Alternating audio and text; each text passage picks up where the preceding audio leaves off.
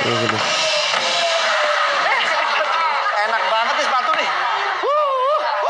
Amanda. Oh, Amanda orang Manuko yes. Yes. Iya, Enak banget sepatu nih. Followersnya 8,6 juta, tapi dia cuma follow satu orang.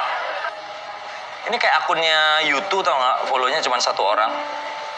Follow brand ambassador dong. Follow oh sebagai brand. Oke, wah keren konseptual Instagramnya.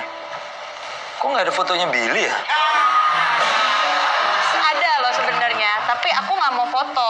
Aku bikin video dan videonya puit, puitis gitu penyampaiannya eh, bukan eh, kata-kata yang bisa langsung dipahami.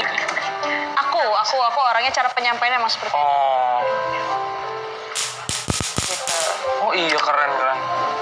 setelah hati melewati masa rehabilitasi. Oh, keren keren keren keren keren. Tapi kalau ibarat lagu, lu, bi- lu ibaratkan Amanda ini lagu apa?